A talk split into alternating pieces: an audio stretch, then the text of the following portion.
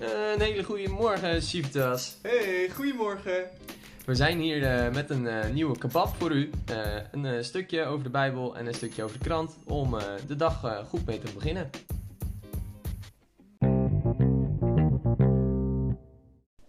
Yes, hey, vanochtend kwam ik een interessant stukje over de Bijbel tegen. En dat gaat over de Heilige Geest. Het komt uit Matthäus 3. Dus ik zal het even voorlezen en dan ben ik benieuwd wat jij ervan vindt. Ja, ik ben benieuwd. Matthäus 3, vers 11, begin ik. Ik doop jullie met water ten teken van jullie nieuwe leven. Maar na mij komt iemand die meer vermag dan ik. Ik ben zelfs niet goed genoeg om zijn sandalen voor hem te dragen. Hij zal jullie dopen met de Heilige Geest en met vuur. Hij houdt de wan in zijn hand. Hij zal zijn dorsvloer reinigen en zijn graan in de schuur bijeenbrengen. Maar het kaf zal hij verbranden in onblusbaar vuur. Toen kwam Jezus vanuit Galilea naar de Jordaan om door Johannes gedoopt te worden. Maar Johannes probeerde hem tegen te houden met de woorden: Ik zou door u gedoopt moeten worden en dan komt u naar mij? Jezus antwoordde: Laat het nu maar gebeuren, want het is goed dat we op deze manier Gods gerechtigheid vervullen. Toen stemde Johannes ermee in. Zodra Jezus gedoopt was en uit het water omhoog kwam, opende de hemel zich voor hem en zag hij hoe de geest van de duif, de geest van God als een duif op hem neerdaalde. En uit de hemel klonk een stem: Dit is mijn geliefde zoon, in hem vind ik vreugde. Nou, ik vond het een heel eh, interessant stukje. Ehm, het gaat natuurlijk inderdaad dat, eh, dat Jezus echt bevestigd wordt uh, doordat de Heilige Geest uit de hemel neerdaalt. Eh, dat, nou ja, dat vond ik altijd een heel mooi stuk sowieso. Mhm.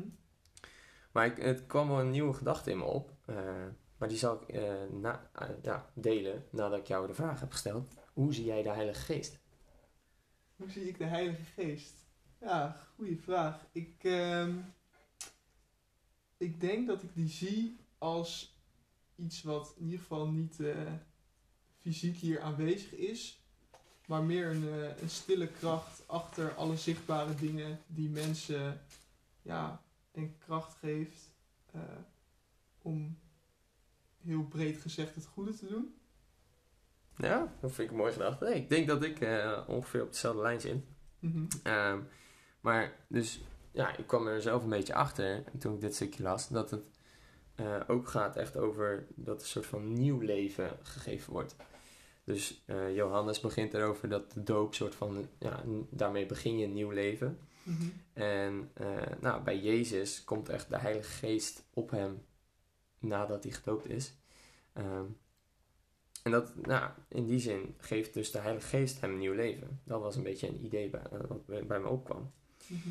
En dat vond ik heel mooi, want eerst keek ik inderdaad naar de Heilige Geest. Ja, hij, hij stuurt ons een beetje en eh, hij geeft ons richting. Eh, Ik denk dat je ook wel rust kan vinden in hem. Maar de gedachte dat het echt een soort van een nieuw leven kan beginnen. En dat je echt heel anders kan gaan doen. Ja. Doordat je de Heilige Geest voelt. ehm, vond ik wel een hele mooie gedachte vanochtend. Ik snap denk ik wat je bedoelt. Het vernieuwt, dus in plaats van dat het je alleen zou aansterken als je de kracht nodig hebt, geeft het je ook een totaal nieuwe blik eigenlijk die niet eens met de oude te vergelijken is. Ja, precies dat inderdaad. Ja, mooi. Dus eh, dat vond ik een hele eh, mooie gedachte. En eh, ah, ja, één, één gedachte die, ja, die sowieso mooi is om te delen, is denk ik dat als we de geest ervaren, en dus dat nieuwe leven, dan is dat ook echt een bevestiging van dat God bestaat, vind ik. Hm. Dus als je de geest ziet als ja, een van de drie, eh, en eh, dan is dus, als je de geest voelt, is dat een bevestiging dat God ook bestaat. Want het is een drie-eenheid. Ja, mooi.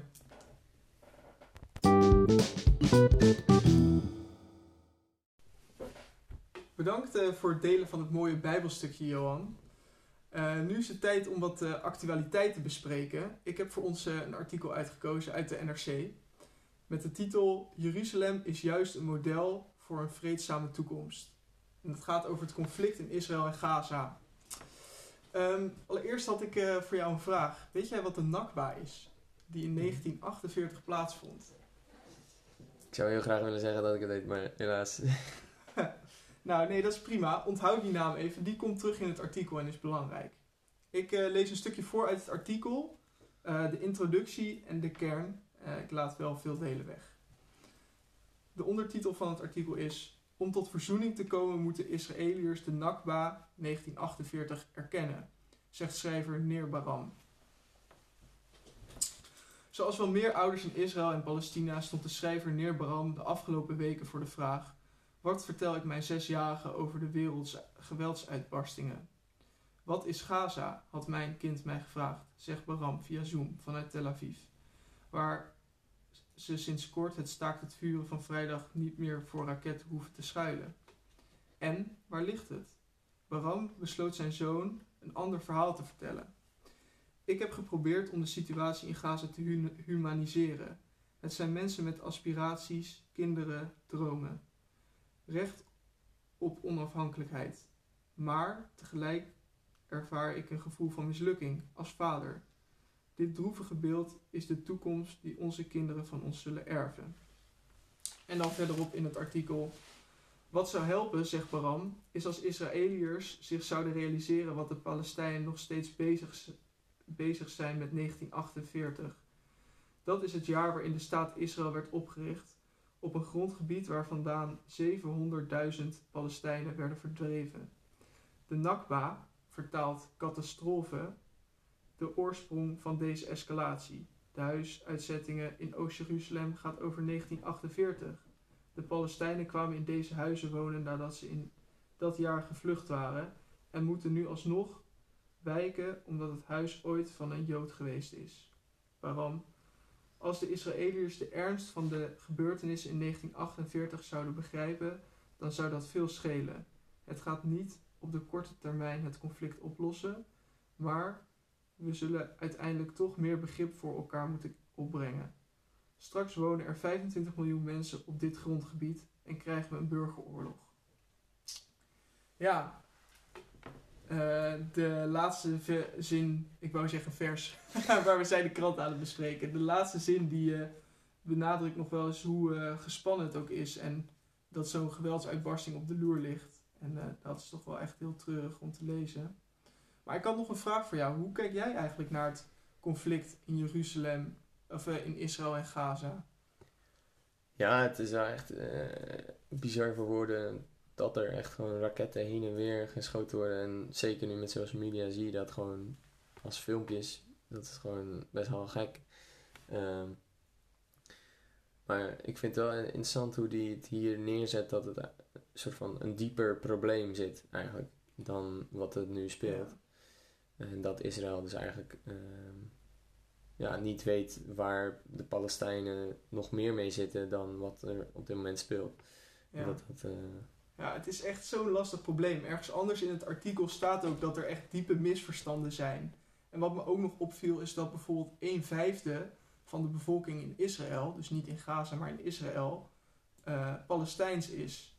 Of Joods-Palestijns. Dat is dan ook weer vermengd. Ja. Dus uh, dan komen presidenten zoals Joe Biden bijvoorbeeld met een, uh, een twee-staten oplossing. En die is al heel oud. Maar um, ja, dat lijkt me toch wel heel ingewikkeld. En wat ik mooi vond aan dit stuk is dat deze schrijver uh, Baram dus eigenlijk uh, zoekt naar verbinding doordat hij wil benadrukken dat er begrip nodig is, ook van de Joden voor de Palestijnse situatie. En daarin is de Nakba dus heel belangrijk, want daar werden de Palestijnen dus uit hun huizen verdreven. Um, ehm, 700.000. En wat ik daar nog opvallend aan vond, is dat het me ook deed denken aan de uittochten van Israël dat Israël werd verdreven steeds. En juist van alle volken zou je dan wel verwachten dat Israël misschien kan begrijpen hoe de Palestijnen zich voelen. En misschien zou daar een oplossing voor het conflict kunnen liggen. Ehm, ja, die, uh, dat vond ik dus een. Dat was voor mij een, uh, een gedachte die ik daarbij had. Laten we hopen dat de situatie snel weer rust vindt. Um, in ieder geval uh, leuk dat we dit even samen konden bespreken. Ja, goed om over na te denken.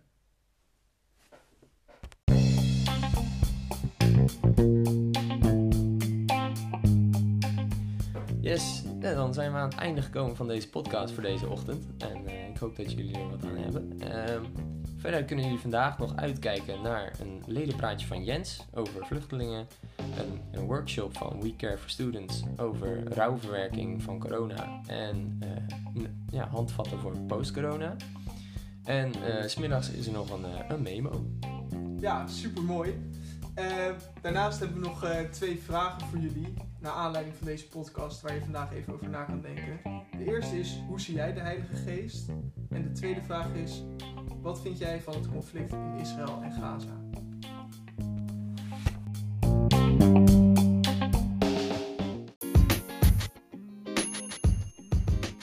Tot morgen!